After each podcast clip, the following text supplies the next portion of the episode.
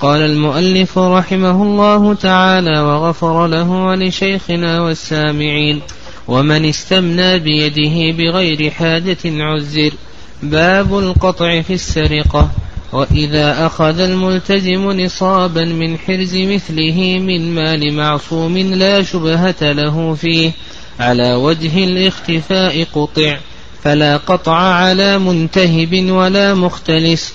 ولا غاصب ولا خائن في وديعة أو عارية أو غيرها ويقطع الطرار الذي يبط الجيب أو غيره ويأخذ منه ويشترط أن يكون المسروق مالا محترما فلا قطع بسرقة آلة لهو ولا محرم كالخمر ويشترط أن يكون نصابا وهو ثلاثة دراهم أو ربع دينار أو عرض قيمته كأحدهما.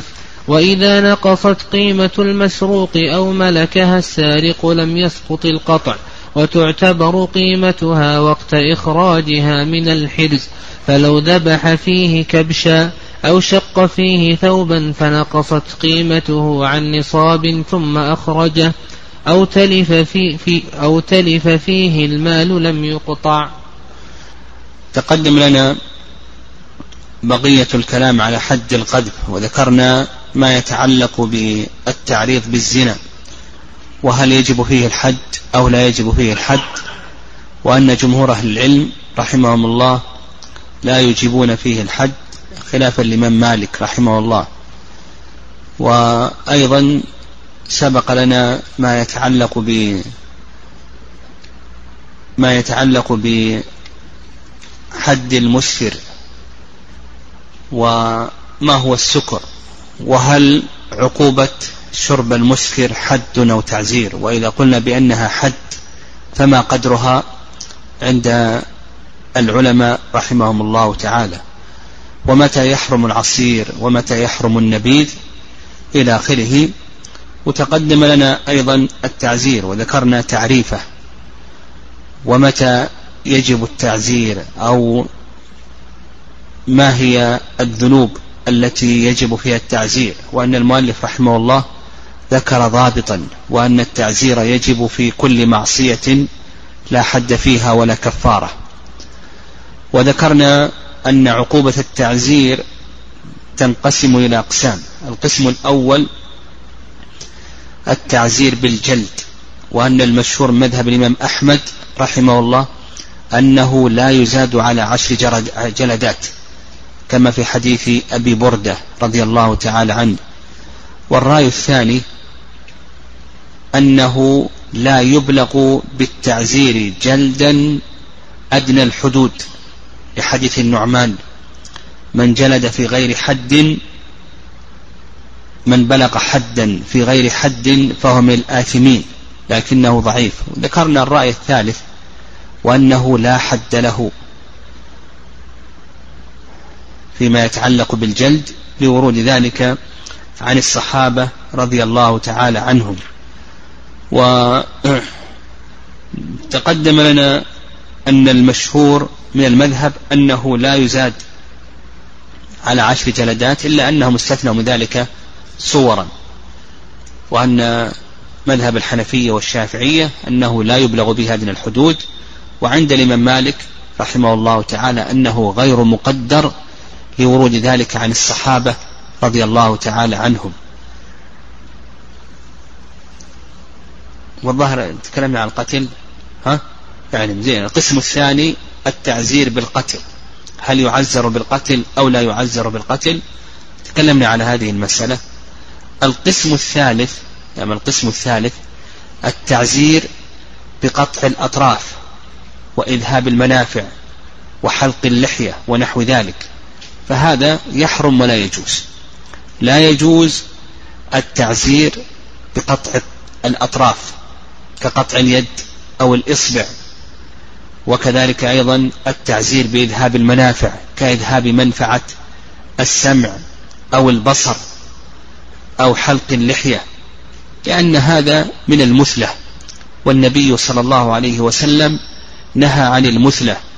وكذلك أيضا أن التعزير بمثل هذه الأشياء لم يرد. القسم الثالث أو الرابع التعزير بأخذ المال وإتلافه. التعزير بأخذ المال وإتلافه. هل هذا جائز أو ليس جائزا؟ للعلماء رحمهم الله تعالى في ذلك رأيان. الرأي الأول وهو قول أكثر أهل العلم في الجملة. أنه لا يجوز التعزير بأخذ المال وإتلافه. واستلوا على ذلك بقول الله عز وجل ولا تأكلوا أموالكم بينكم بالباطل وأيضا قول النبي صلى الله عليه وسلم إن دماءكم وأموالكم وأعراضكم عليكم حرام فالأصل في مال المسلم الحرمة.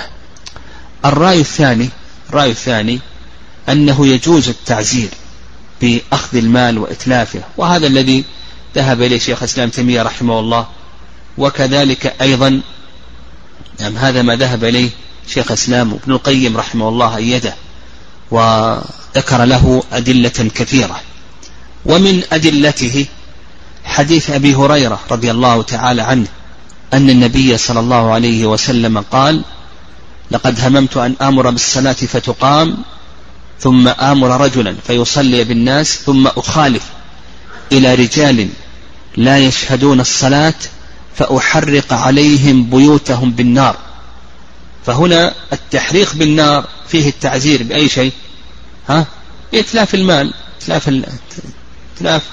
فيه التعزير بالقتل وفيه التعزير أيضا بإتلاف المال. ومن الأدلة على ذلك قول النبي صلى الله عليه وسلم في مانع الزكاة فإن آخذوها وشطر ماله عزمة من عزمات ربنا. فإن آخذوها يعني أخ... نحن آخذون الزكاة وشطر ماله يعني المال الذي منع زكاته عزمة من عزمات ربنا. وأخذ شطر المال هذا من قبيل التعزير. ومن الأدلة على ذلك تحريق مسجد الضرار. فتحريق مسجد الضرار هذا ضرب من ضروب التعزير. ومن الأدلة على ذلك آه، كسر آه، أوعية الخمر ونحو ذلك. قال المؤلف رحمه الله تعالى ومن استمنى بيده من غير حاجة عزر. لأنه معصية. ويدل لذلك قول الله عز وجل والذين هم لفروجهم حافظون إلا على أزواجهم أو ما ملكت أيمانهم فإنهم غير ملومين. فالأصل هو حفظ الفرج. إلا من الزوجة أو ملك اليمين السرية. فيقول لك المؤلف رحمه الله إذا كان لغير حاجة فإنه يعزر. لكن إذا احتاج إلى ذلك كأن يخاف على نفسه من الزنا فإن هذا جائز ولا بأس به لأن مفسدة الزنا أعظم من مفسدة الاستمناء. فتدرى أعلى المفسدتين بأخفهما. نعم. تدرى أعلى المفسدتين بأخفهما المهم إذا كان هناك ضرورة إلى إخراج هذا الماء كأن يخاف الزنا ونحو ذلك على نفسه فإن هذا جائز ولا بأس به. إذا لم يكن هناك ضرورة فالأصل هو حفظ الفرج. لما ذكرنا من الدليل حيث بهز بن حكيم عن نبي عن جد احفظ عورتك إلا من زوجتك أو ما ملكت يمينك. يدخل في ذلك حفظها من الاستمناء. وكما قال ابن عقيل رحمه الله تعالى أن أنه نوع من استمتاع الإنسان بنفسه. يعني كون الإنسان يستمتع بنفسه إلى آخره. نعم قال قال رحمه الله باب القطع في السرقة. إذا أخذ الملتزم نصابا. الملتزم السرقة في اللغة هي نعم السرقة في اللغة. نعم آه آه تدل على الاستتار والاستخفاء وأخذ الشيء خفية. وأما في الاصطلاح فهي أخذ مال من مالكه أو نعم أخذ مال من مالكه. أو نائبه.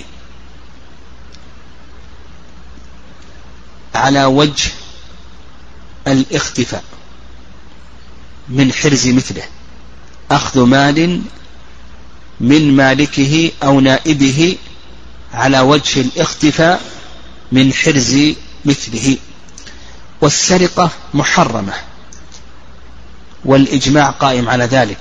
وهي محرمة في سائر الشرائع.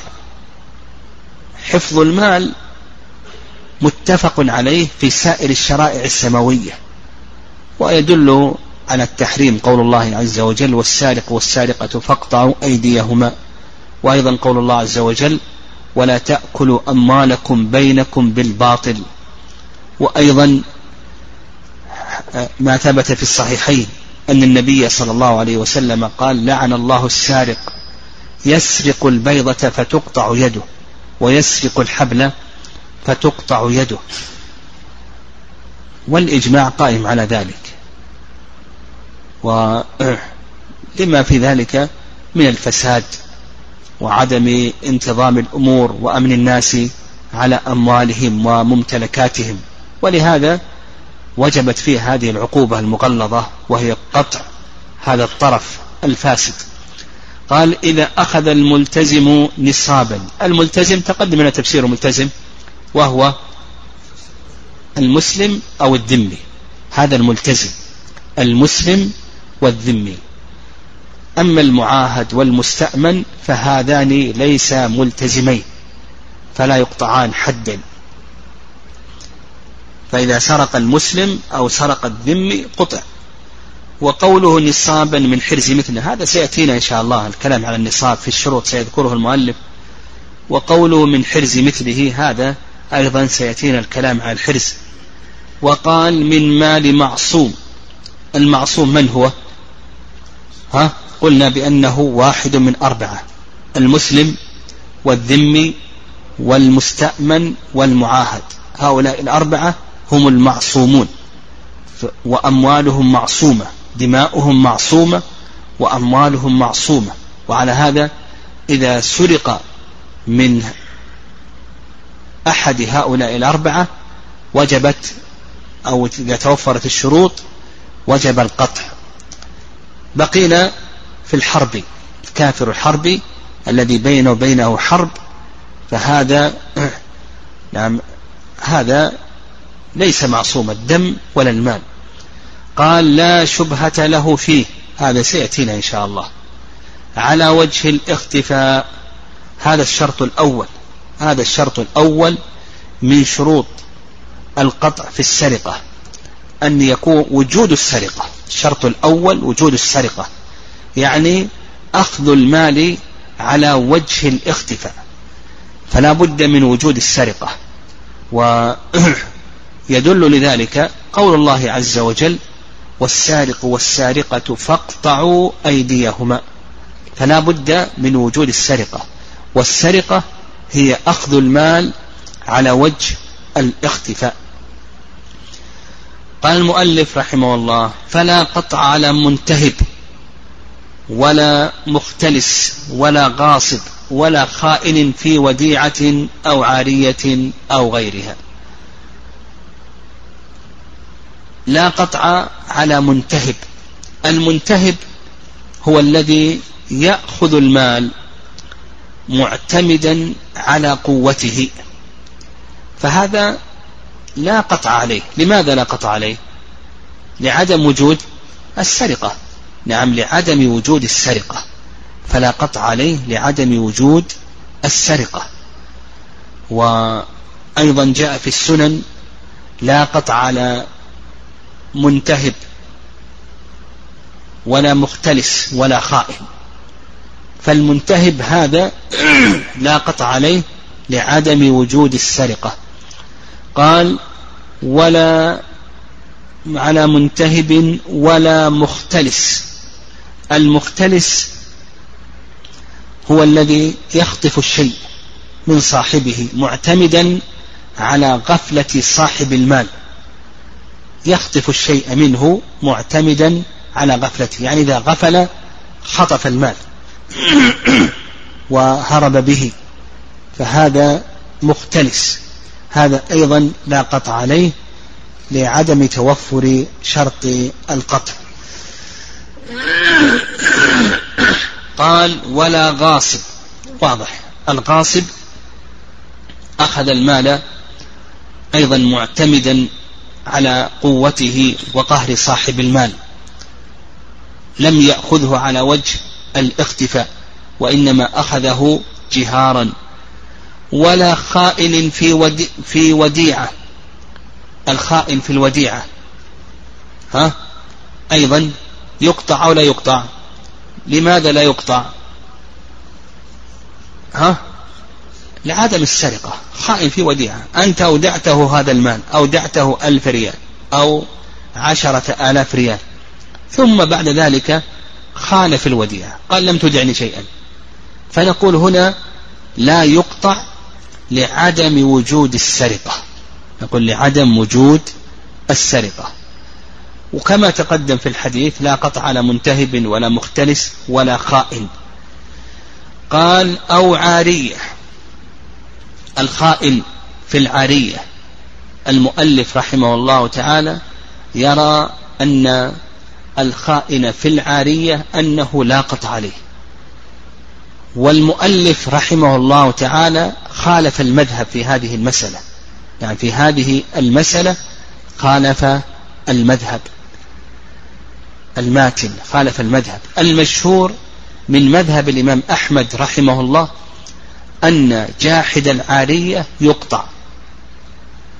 ويدل لذلك ما ثبت في صحيح مسلم وغيره في قصة المخزومية التي كانت تستعير المتاع وتجحده فأمر النبي صلى الله عليه وسلم بقطع يدها. كانت تستعير المتاع وتجحده فأمر النبي صلى الله عليه وسلم بقطع يدها. هذه المخزومية. قال الإمام أحمد رحمه الله تعالى لا أعرف شيئا يدفعه. هذا الحديث. ما دام إنه ثبت الحديث يقول لا أعرف شيئا يدفع ذلك. الرأي الثاني رأي جمهور أهل العلم أنه لا قطع على جاحد العارية. ودليلهم على ذلك ماذا؟ ها؟ عدم وجود السرقة. الله عز وجل قال والسارق والسارقة فاقطعوا أيديهما. هنا لا قطع هنا لا سرقة. لعن الله السارق هنا لا سرقة. نعم. واستدلوا أيضا بما جاء في حيث المسعود أنها سرقت. فأمر النبي صلى الله عليه وسلم بقطع يدها سرقت. جاء في الحديث. طيب. والذي يظهر والله أعلم كما قال الإمام أحمد رحمه الله أن أني لا أعرف شيئا يدفع الحديث. وما, وما دام أنه ثبت الحديث فإنه يقال به.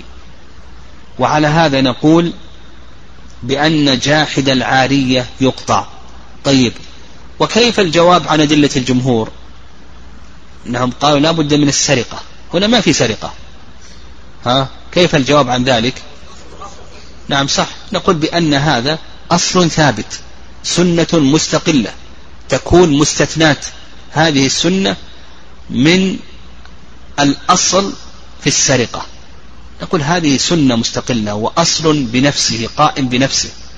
فنقول كما أنه يقطع في السرقة هذا أصل أيضا يقطع ب كما أنه يقطع بالسرقة أيضا يقطع بجحد العارية وأما حيث المسعود أنها سرقت إلى آخره فهذا ضعيف.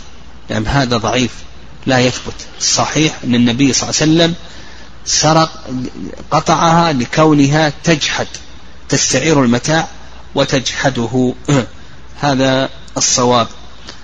قال ويقطع الطرار الذي يبط الجيب أو غيره ويأخذ منه.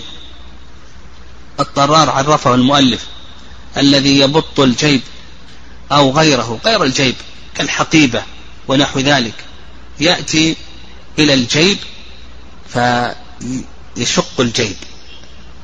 السكين أو الموس ونحو ذلك فإذا سقط المتاع أو النقود أخذه أو يأتي إلى الحقيبة ويشقها ثم يأخذ ما في ما في وسطها.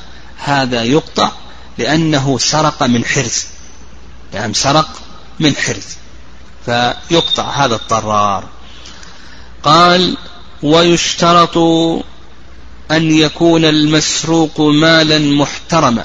هذا الشرط الثاني. الشرط الثاني الأول للقطع في السرقة. ماذا؟ وجود السرقة.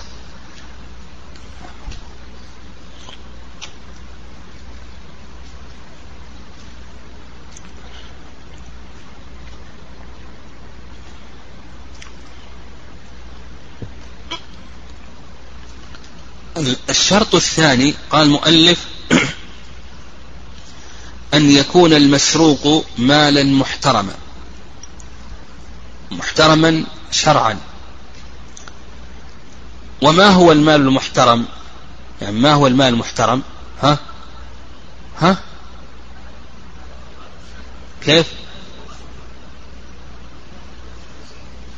وتقدم عرفنا المال. المال المحترم هو ما أباح الشارع الانتفاع به والعقد عليه. ما أباح الشارع الانتفاع به والعقد عليه.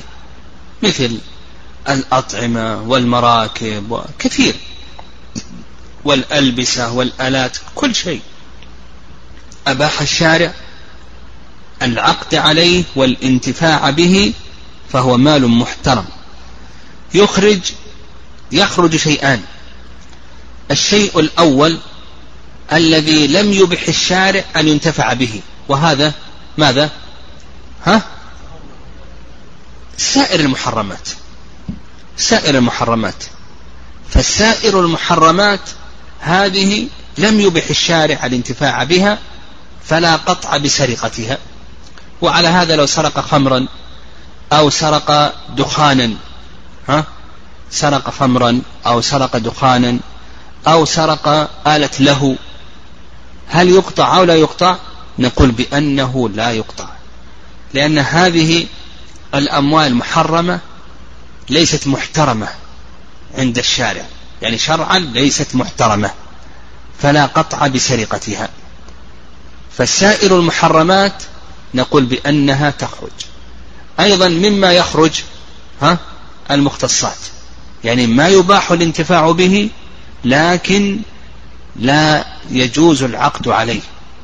المختصات. مثل مثل كلب الصيد وكلب الحرث وكلب الماشي أو مثل الميتة إلى آخره. هذه يجوز لك أن تنتفع بها لكن ليس لك أن تعقد عليها. يقول هذه يجوز لك أن تنتفع بها لكن ليس لك أن تعقد عليها. الشارع أباح لك الانتفاع دون عقد. وحينئذ أصبحت الأقسام كم؟ ثلاثة. مال محترم يقطع فيه. مال غير محترم المحرمات لا قطع فيه. الثالث المختصات لا قطع فيه. نعم. قال فلا قطع بسرقة آلة له. نعم. لا قطع بسرقة آلة له لكونها غير محترمة. واضح؟ ولا محرم كالخنزير. نعم. أيضا محرم مثل الخنزير كالخمر. قال كالخمر. لأنه ليس محترما. نعم. كالخمر ليس محترما. طيب. الحر هل يقطع بسرقته أو لا يقطع بسرقته؟ ها إذا سرق الحر هل يقطع بسرقة الحر أو لا يقطع بسرقة الحر؟ ها نقول الحر ليس مالا فلا يقطع بسرقته. فلو مثلا سرق صبيا صغيرا أو جارية صغيرة إلى آخره فنقول بأنه لا يقطع بسرقة هؤلاء. نعم وهذا ما عليه جماهير أهل العلم لأن هذه ليست أموالا خلافا للإمام مالك رحمه الله تعالى. طيب أيضا المصحف هل يقطع بسرقته أو لا يقطع بسرقته؟ المذهب أنه ما يقطع بسرقته لأنه لا يجوز بيعه. والصحيح أن المصحف أنه يقطع بسرقته. هذا الصواب في هذه المسألة. وهو قول مالك والشافعي أنه لأن الآن أصبحت المصاحف تجارة وأموال تكلف الأوراق والمداد والطباعة والتجريد. أيضا الماء هل يقطع بسرقته أو لا يقطع؟ المشهور من المذهب أنه لا يقطع بسرقة الماء لأن الناس شركاء في ثلاثة. والصحيح الآن أن المياه أصبحت ماذا؟ أصبحت تجارة. الماء أصبح الآن تجارة. ينقى ويكرر ويعبى ويغلف ونحو ذلك فأصبح الماء تجارة. الآن نقول بأنه يقطع بسرقة الماء. طيب إذا سرق الخمر ها يقطع أو لا يقطع؟ لا يقطع لكن إذا كان قصده سرقة الإناء الذي فيه الخمر نقول بأنه يقطع.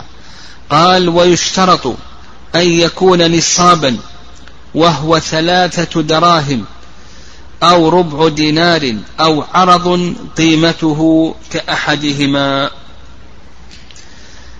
هذا المسألة الشرط الثالث اشتراط النصاب. واشتراط النصاب تحته مسائل. نعم اشتراط النصاب تحته مسائل.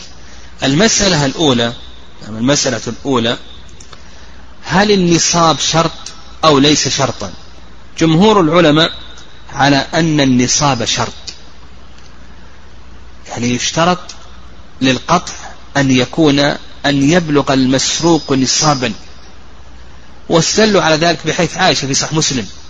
أن النبي صلى الله عليه وسلم قال لا تقطع اليد إلا في ربع دينار فصاعدا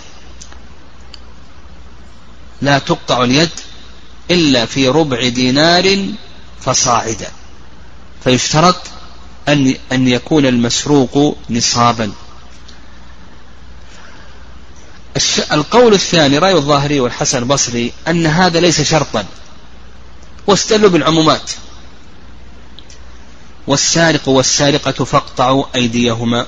وأيضا ما ثبت في الصحيحين من حيث أبي هريرة أن النبي صلى الله عليه وسلم قال لعن الله السارق يسرق البيضة فتقطع يده ويسرق الحبل فتقطع يده.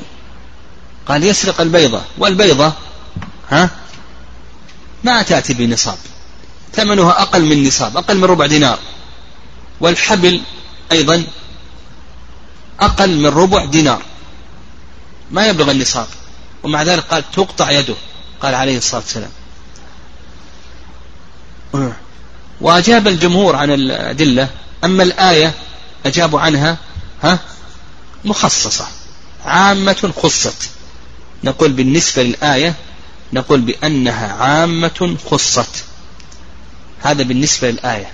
طيب بالنسبة للحديث لعن الله السارق يسرق البيضة يسرق الحبل كيف الجواب عنه؟ نعم. أجاب عنه العلماء رحمه الله بأجوبة. ها الجواب الأول ها؟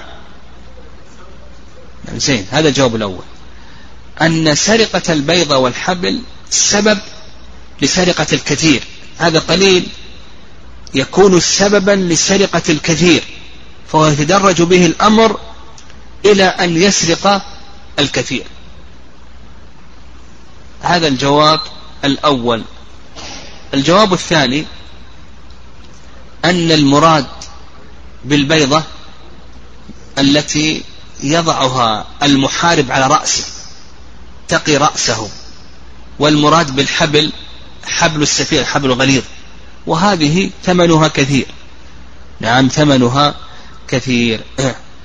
والجواب الثالث أن الحديث خرج مخرج التحذير. نعم خرج مخرج مخرج التحذير. نعم. طيب ما هو قدر النصاب؟ إذا قلنا بأنه لا يقطع إلا إذا سرق نصابا. ما قدر النصاب؟ النصاب ما قدره؟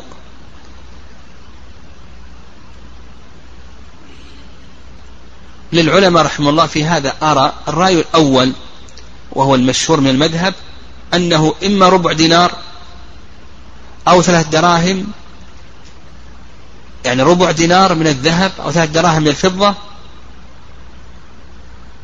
أو عرض يساوي أحدهما. إن سرق من الذهب ربع دينار. إن سرق من الفضة ماذا؟ ثلاث دراهم. طيب إذا سرق من غير الذهب والفضة من العروض من الأطعمة الآلات الملابس ونحو ذلك فلا بد أن يساوي إما ربع دينار أو ثلاث دراهم. واضح؟ هذا المشهور من المذهب. الرأي الثاني رأي أبي حنيفة أنه أن قدر النصاب عشرة دراهم أن قدر النصاب عشرة دراهم. هذا رأي أبي حنيفة. واستدلوا بما يروى عن النبي صلى الله عليه وسلم أنه قال لا قطع في أقل من عشرة دراهم. وهذا ضعيف. يعني هذا ضعيف. حديث عبد الله بن عمر رضي الله تعالى عنهما هذا ضعيف غير ثابت. الرأي الثالث يعني الرأي الثالث. أن النصاب ثلاثة دراهم أو ربع دينار. فإن كان من غير الذهب والفضة فالمعتبر هو الذهب. وهو قول من؟ الشافعي. الشافعية يقولون النصاب ثلاثة دراهم أو ربع دينار.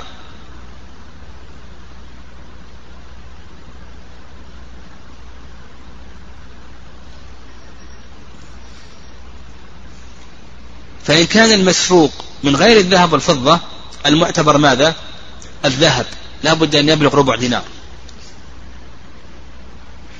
وعند المالكية النصاب ثلاث دراهم أو ربع دينار فإن كان المسروق من غير الذهب والفضة المعتبر ماذا؟ الفضة.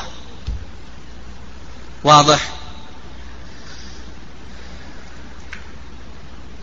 فالشافعية والمالكية يقولون النصاب إما ربع دينار أو ثلاث دراهم لكن يختلفان. إذا كان المسروق من غير النصاب من غير الذهب والفضة كأن يكون المسروق من الآلات من العروض الآلات والألبسة والأطعمة ونحو ذلك. فالشافعية يقولون لا بد أن يبلغ ماذا؟ ربع الدينار. إذا بلغت الدراهم لا عبرة به. والمالكية يقولون لا بد أن يبلغ ماذا؟ ثلاث دراهم. المالكية يقول لا بد أن يبلغ ثلاث دراهم. والأقرب في هذه المسألة يعني الأدلة أن النبي صلى الله عليه وسلم حديث عائشة قال النبي صلى الله عليه وسلم لا قطع لا تقطع اليد إلا في ربع دينار فصاعدا. حيث ابن عمر أن النبي صلى الله عليه وسلم قطع في مجن. ثمنه ثلاث دراهم. هذه اللي ثابت.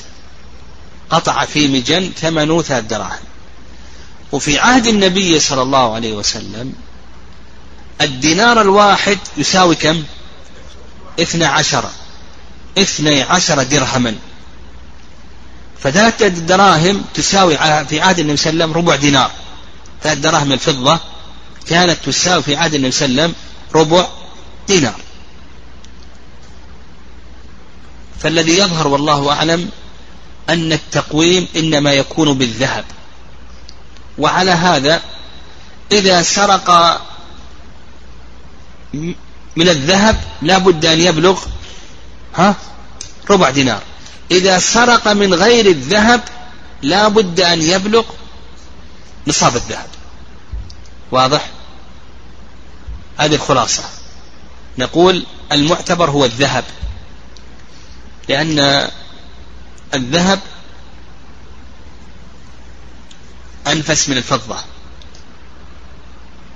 وحديث عائشة أيضا فيه إثبات الذهب. لا تقطع اليد إلا في ربع دينار. وكون النبي صلى الله عليه وسلم قطع في ثلاث دراهم إنما قطع في ثلاث دراهم لأن الثلاثة هذه تساوي ماذا؟ ربع الدينار. فالصحيح في ذلك أن المعتبر هو الذهب. وعلى هذا نقول تقطع اليد في ربع دينار فإن سرق من غير الذهب فلا بد أن يبلغ نصاب الذهب. طيب لو بلغ ثلاث دراهم لكنه ما بلغ ربع دينار يقطع أو لا يقطع؟ نقول لا يقطع. لأنه قد ترخص الفضة مثل في وقتنا الآن ترخص الفضة ويرتفع الذهب. نعم ترخص الفضة ويرتفع الذهب. نعم. طيب ربع دينار. الدينار كم يساوي بغرامات؟ أربع وربع صح. ربع ربع أربع وربع. نعم أربع غرامات. ها؟ أربع غرامات. الدينار الواحد أربع غرامات وربع. ها؟ أصبر. أربع غرامات وربع. كم قيمة غرام اليوم؟ مئتين. مئتين. أربع غرامات وربع أضربها بمئتين. ها؟ كم؟ ثمانمائة وخمسين. أقسم على أربعة. عندنا الربع. ها؟ ثمانمائة وخمسين. أقسم على أربعة. تقريبا مئتين وثلاثة عشر. يعني في هذا الوقت إذا سرق مئتي ريال وثلاثة عشر ها؟ في هذا الوقت إذا سرق مئتي وثلاثة عشر ريالا قطع سواء سرق من الذهب أو من غير الذهب. لأن المعتبر هو ماذا؟ هو الذهب. بخلاف الفضة الآن ثلاث دراهم. الآن ثلاث دراهم يمكن تساوي له خمسين ريال. فرق. يعني بل تساوي أقل. يعني تساوي يمكن تساوي عشرين ريال. جرام الفضة رخيص جدا. خمسة ريال.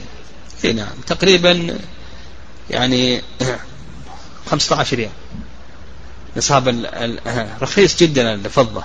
الفضة تقريبا الآن إذا قدرنا تقريبا تصير 15 ريال.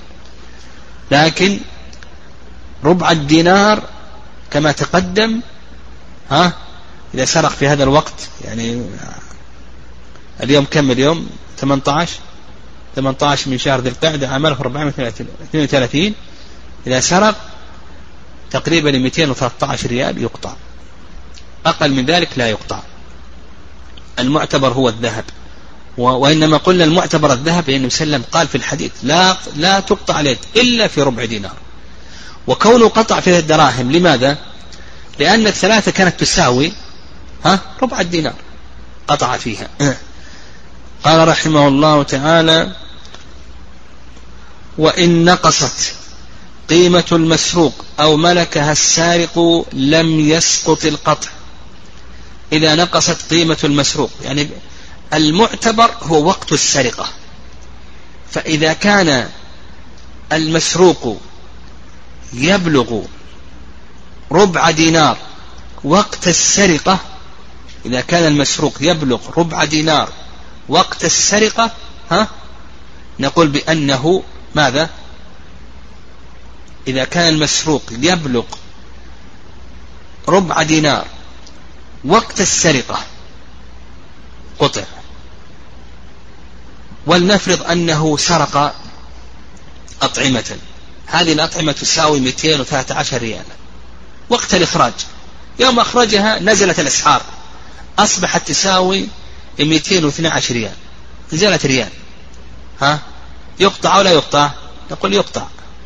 وقت إخراجه من السرق من الحرز ننظر. هل تساوي أو لا تساوي؟ فإن كانت تساوي قطع. وإن كانت لا تساوي لا يقطع. وهذا باتفاق الأئمة. أو ملكها السارق. لم يسقط القطع. لو أنه ملكها. بعد أن سرق ملكها. وهبت له.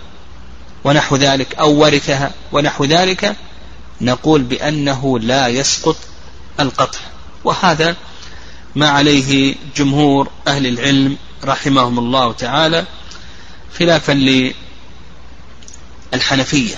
نعم الحنفية يرون أنه إذا ملكها بعد السرقة ها سقط القطع. والصحيح أنها إذا كانت ليست ملكا له هو سارق الآن يصدق عليه أنه سارق الصواب أنه لا يسقط القطع. خلاف الحنفية. الحنفية يقول يسقط القطع لأنها أصبحت ملكا له. والحنفية هم أوسع الناس في إسقاط القطع في السرقة. كما تقدم لنا الحنفية عندهم ضعف فيما يتعلق بالسياسة الشرعية. وأوسع الناس في القطع في السرقة هم المالكية. نعم هم المالكية كما سيأتينا. ولهذا الحنفية كثير من الأشياء لا يجبون فيها القطع. مثلا سرقة الكتب ما فيها قطع. سرقة الخضروات التي سار عليها الفساد هذه يقولون ما فيها القطع. كون الإنسان يسرق من أخيه من محارمه كل من يحرم عليك هذا يقولون ما في قطع. هذا كله ضعيف. هذا كله ضعيف وهم يتوسعون في إسقاط القطع خلاف المالكية رحمهم الله. قال وتعتبر قيمتها وقت إخراجها من الحرز نعم.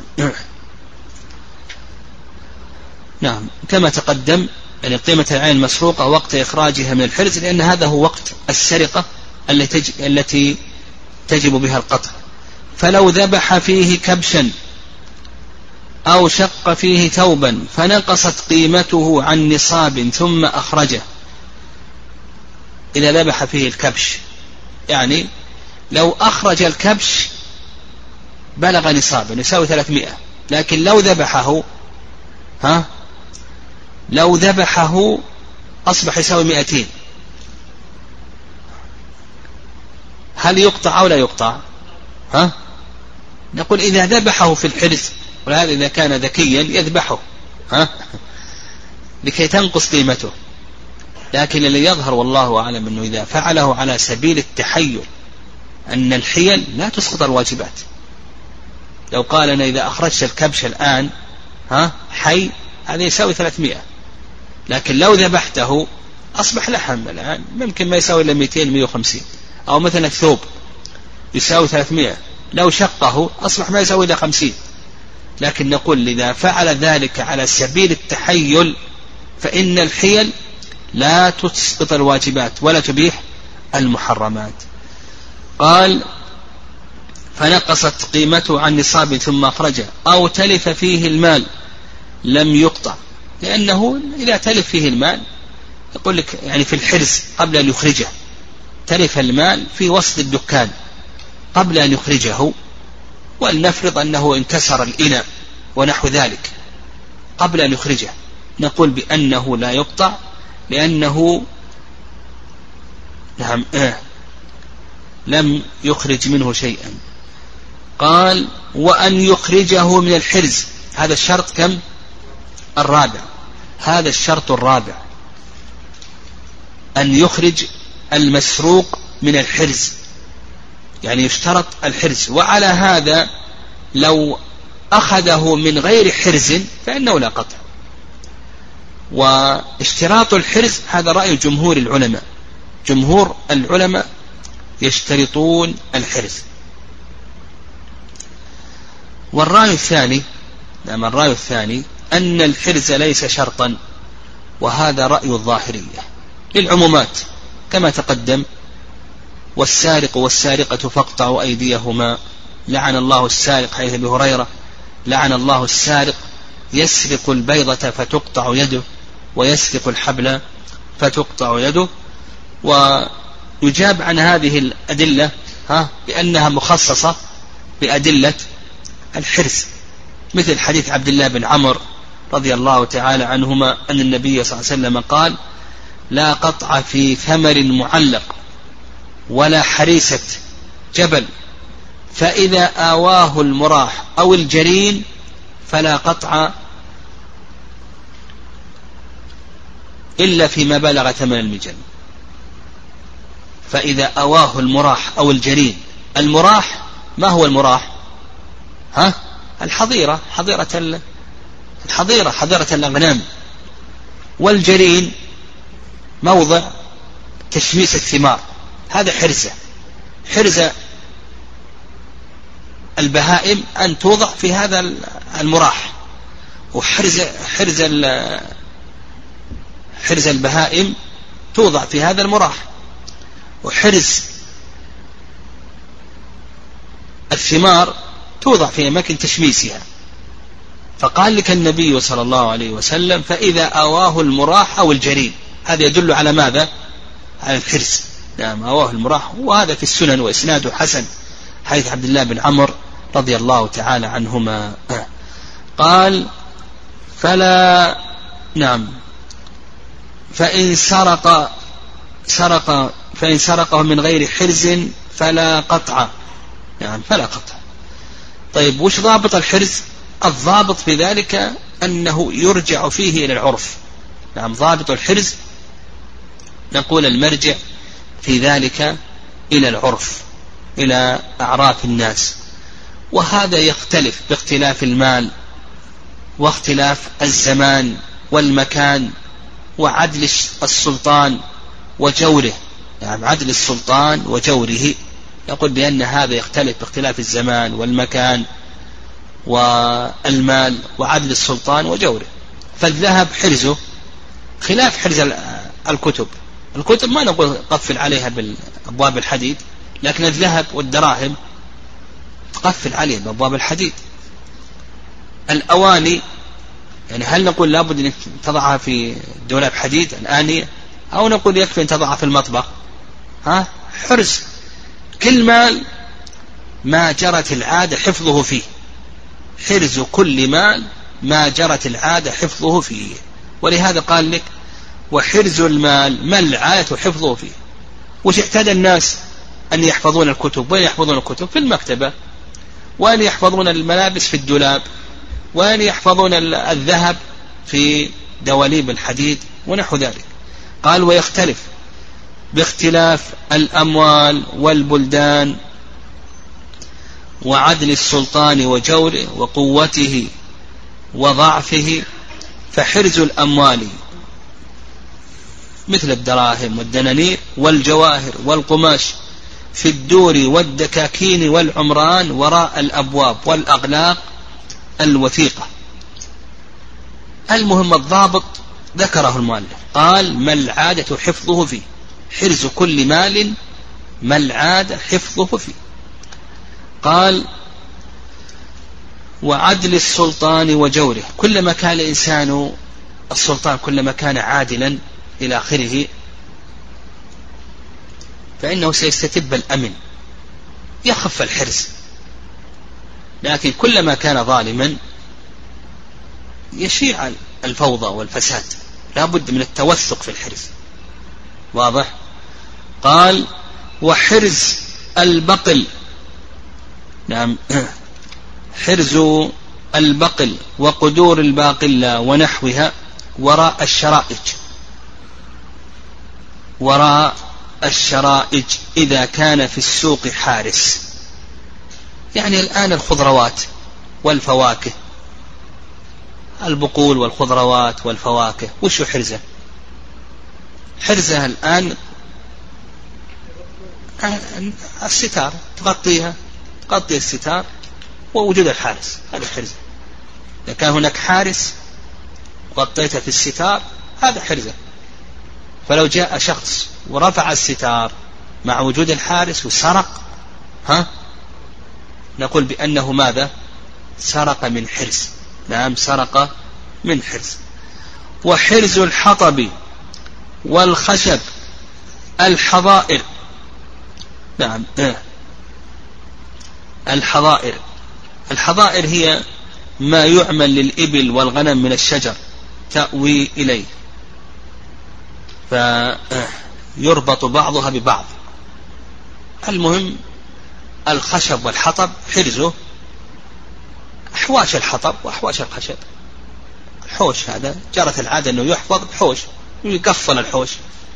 لو جاء شخص وتسلق السور سور الحوش هذا ونحو ذلك أو الحظيرة هذه تسلقها وسرق الحطب نقول هذا سرقه من حرز. وحرز المواشي الصير حظيرة الغنم.